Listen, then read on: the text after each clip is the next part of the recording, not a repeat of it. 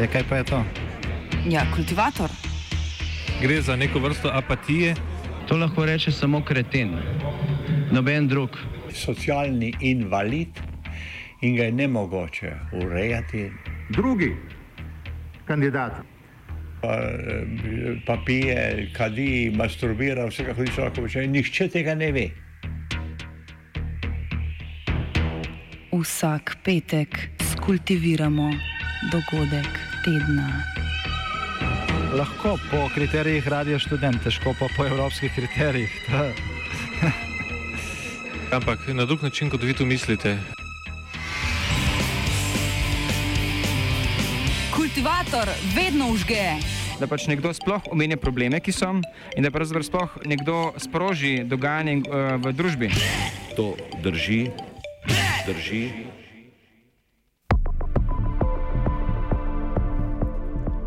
Blaginja za vse. Državni zbor Republike Slovenije je včeraj potrdil proračuna za leti 2020 in 2021. Proračun za leto 2020 predvideva za 10,385 milijarde evrov odhodkov in za 10,773 milijarde evrov prihodkov. Proračunski presežek naj bi torej znašal 415,2 milijona evrov. Še višji je predlagani proračun za leto 2021. Na voljo bo 10 milijard in 450 milijonov evrov, prihodki pa naj bi preseg, presegli 11 milijard evrov.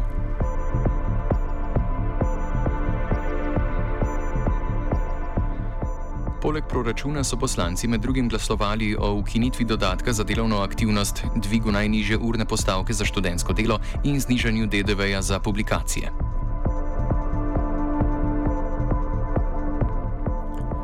Proračun je bil sprejet z 49 glasovi za in 41 proti.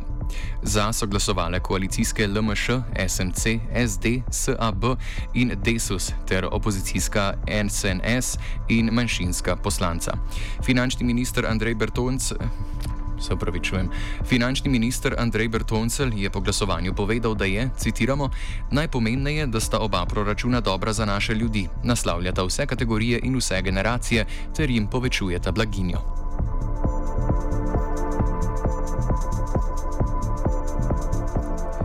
Jani Prednik iz socialnih demokratov je s prejetim proračunom zadovoljen. O prioritetah pove naslednje. Prioriteta tega proračuna je gospodarstvo, zdravstvo, znanost. Prioriteta je tudi varstvo državljank in državljanov. Zadovoljni smo, da je več vlagan, sicer nekaj malega več, ampak vseeno gre v pozitivno smer vlaganja v kulturo, kar je bilo do sedaj zanemarjeno. Uh, naslednje dejstvo je, da je v tem proračunu oziroma v zakonu izvrš, v, o izvrševanju proračuna so tudi najviše povprečnine. Doslej vsi vemo, da občine so finančno podhranjene in uh, v ZIPRS-u smo včeraj določili najvišjo povprečnino. Do sedaj jaz vem, da bi si župani želeli morda še več sredstev, vendar uh, vse mora biti nekako zbalansirano in ne smemo zaradi nekih populističnih potez zrušiti dokaj dobrega proračuna. Veliko hrupa je povzročal predvsem dvig povprečnin občinam. Vlada je za leto 2020 predlagala povprečnino v višini 589,11 evra, za leto 2020 pa 588,30 evra. Odbor za finance državnega zbora je višino povprečnine občutno povišal in za leto 2020 predlagal 685 oziroma 658,80 evra. To bi proračun obremenilo za dodatnih 140 milijonov evrov. Pred začetkom glasovanja je minister Bertoncel poslance opozoril na neskladje med proračunom in zakonom o izvrševanju proračuna, ki bi v tem primeru nastalo. Zagrozil je, da bi v primeru izglasovanja više povprečnine Slovenija ostala brez ministra za finance.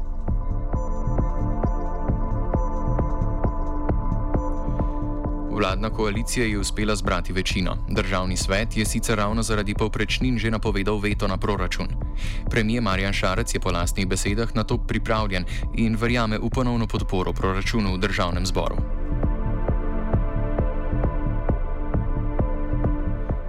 Do predloga slovenskega proračuna se je že opredelila Evropska komisija. Slovenijo je uvrstila v skupino držav, pri katerih obstaja tveganje za neskladnost s proračunskimi pravili. Mnenje komisije komentira Bogomir Kovač iz ekonomske fakultete. Pa to mnenje nekako sledi eh, do sedaj splošnim usmeritvam, ki jih zagovarja Evropska unija glede eh, fiskalnih politik svojih članic. Nekako se to mnenje tudi sklada z mnenjem fiskalnega sveta. Gre pa predvsem za to, da se ob eh, obeh dveh letošnjih proračunih ali sprejemu pač za dve leti povečujejo tveganja glede na predpostavke, na katerih je ta proračun eh, zgrajen. Pridržki Evropske unije temeljito oziroma temelijo predvsem na pričakovanju, da se bo gospodarska rast v prihodnjih dveh letih precej upočasnila. Rast nemškega gospodarstva, na katerega je vezan velik del slovenskega izvoza, je bila v zadnjem letu praktično ničelna. Če se bo gospodarstvo ohladilo bolj od projekcij finančnega ministrstva, bo to potisnilo proračun v rdeče. A hkrati bo prav prevelika varčnost še dodatno upočasnila gospodarstvo. Opozorila so bolj ali manj še vedno usmerjena k temu, da prihajajoča recimo recesija ali znižanja gospodarske rasti tudi OECD je ponovno, seveda zdaj ob eh, poročanju, znižal oceno gospodarske rasti za naslednje leto in potem še za leto 2021 in znotraj tega seveda takvana tveganja za prekoračitev recimo zavez, eh, ki izhajajo iz tako imenovanega strukturnega primankljaja, seveda se povečujejo. Zdaj, kaj to pomeni? Eh, Evropska komisija nekako ostaja zvesta eh, svojim temeljnim usmeritvam na področju usmerjanja fiskalne politike, ker je temeljni cilj dolgoročna uravnotežitev proračuna z tem delom, da je seveda temeljni cilj, kako zmanjšati predvsem zadolženost držav. Manj pa je Evropska komisija vse skozi uh, usmerjena k anticiklični politiki, se pravi proračuni, ki bi bolj ali manj uh, skušali reševati uh, padanje gospodarske rasti z povečanjem trošenja, v tem primeru bi se morali tako imenovani fiskalni prostor govorim o bruselskem jeziku, eh, razširiti in bi se morali morda v tej prvi fazi dovoljevati večji manevrski prostor državam. Evropska unija v tem hipu ni pripravljena na fiskalnem področju eh, spremeniti eh, dosedanje politike. Bolj je mnenje Evropske komisije zaskrbelo opozicijo. Jožef Horvat iz NSI je vlado obtožil, da mnenje skriva. Dejstvo je tudi, da je nekako vlada skrivala oceno Evropske komisije, oceno naših proračunov. Evropska komisija z našima proračunoma za leto 2021 ni zadovoljna. Smo v skupini najslabših držav in to nas skrbi, še posebej skrbi, če se bo nadaljevalo ohlajanje slovenskega oziroma evropskega gospodarstva. Horvat obžaluje tudi, da so poslanci koalicije postali glasovalni stroj. Sprejeta proračuna NSI sicer ocenjuje tako. Oba proračuna kažeta, da ne bo modernizacije eh, pomembnih eh, družbenih podsistemov, kot je zdravstvo, kot je pokojninski sistem, kot je šolstvo, ne bo tudi pomembnejšega izboljšanja poslovnega okolja, se pravi, ne bo se dvignila konkurenčnost Slovenije na evropskem oziroma svetovnem trgu. Opozicija je na tokratni proračun predlagala 64 amandmajev, sprejeti so bili štirje. SDS je tako uspela s predlogom za 400 tisoč evrov za obnovo planinskih domov na Korošici in Okrešlju in pol milijona evrov za projekt medgeneracijskega bivalnega objekta v Loškem potoku. NSI in SNS pa sta Ministrstvu za šolstvo zagotovila 6 milijonov evrov za naložbe. Pojasni Horvat. Smo pa v Novi Sloveniji kljub vsemu zadovoljni da smo z našimi napori dosegli, da, smo, da je državni zbor sprejel dva amadmaja in sicer za leto 2020 6 milijonov evrov za osnovno šolsko infrastrukturo, to se pravi za obnovo um, osnovnošolskih objektov in tudi za nove šole. Tako smo postavko dvignili iz 5 na 11 milijonov evrov. Poleg tega bo po intervenciji teh dveh strank Ministrstvo za kulturo prejelo milijon, milijon evrov za obnovo žičke kartuzije. Ta ima od lanskega leta status kulturnega spomenika državnega pomena.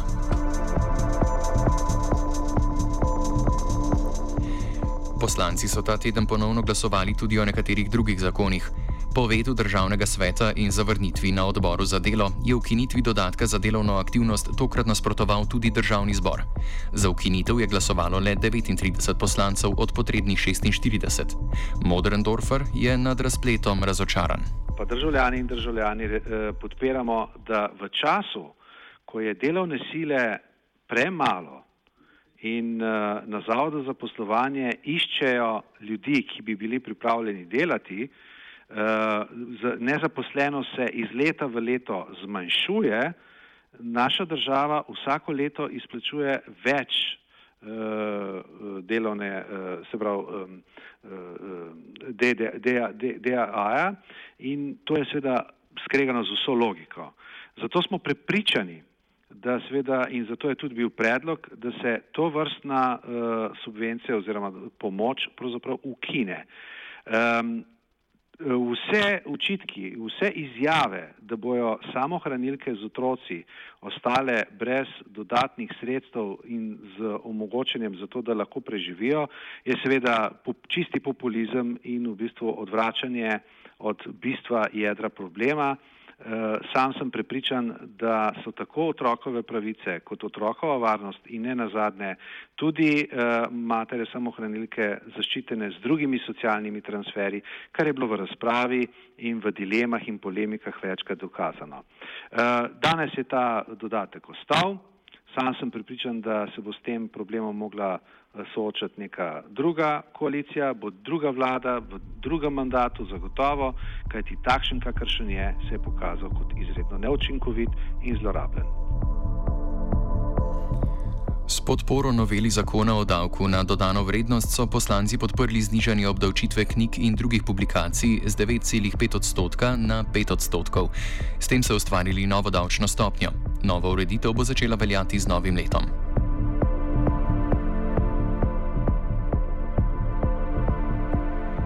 Ta teden je bilo mogoče zaslediti vest o delovnem kosilu prvakov koalicijskih strank, na katerem naj bi se dogovorili o nadaljem sodelovanju. A dogajanje okoli sprejemanja proračuna, pa tudi glasovanje o dodatku za delovno aktivnost pod vprašaj postavljata njeno trdnost. Pojavljati so se začela ugibanja o možnosti oblikovanja nove koalicije v sestavi SDS, NSI, SNS in SMC. Moderndorfer je ugibanja zanikal. Če vam bom odkrito povedal, ta tema je izredno dolgočasna in naporna ker je v resnici največkrat producirajo mediji sami na podlagi posameznih uh, sklepanj. Uh, to, da se predsednik uh, eh, SMC-ja je pogovarjal z Anezem Janšo, nikoli niti ni skrival, celo napovedal je, da se bo.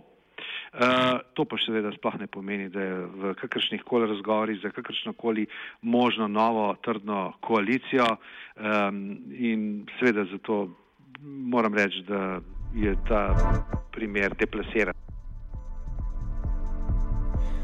Kot meni Moderndorfer, je današnje glasovanje vladi Marjana Šarca zagotovilo vsaj še leto delovanja, ki pa bo bolj zahtevno kot do sedaj. S tem, ko je proračun sprejet, je vsaj eno leto jasno, da so zagotovljena sredstva za normalno delovanje eh, države in financiranje vseh tistih nalog, s katere so opredeljene za proračunom. Zato sam osebno ne vidim nekih večjih problemov in pretresov, ki bi se lahko dogajale v naslednjem letu. To pa še zdaleč ne pomeni, da bo ta koalicija enostavna, da ne bo o bistveno več pogovorov, ker ne smemo pozabiti, da koalicija v bistvu sestavlja manjšinsko vlado. In manjšinske vlade praviloma, povsod, kjer seveda imajo prakso z manjšinskimi vladami, pomeni izredno naporno vladanje, veliko pogovorov in veliko kompromisov. Koliko časa bo to zdržalo, pa ta hip mislim, da vejo sam tisti, ki pravzaprav um, so v bistvu ustvarjalci politike. Krok kreatorjev politik, kdorkoli že to je, se je z odstopom levice od sporazuma z vladno koalicijo presej razširil. Ta teden je bil za koalicijo najbolj naporen v njenem mandatu. Že ponovno preglasovanje že napovedanega veta državnega sveta pa bo pokazalo, ali je v tej kuhinji, kot se rad izrazi premije, preveč kuharjev. Kultivirala je Pija,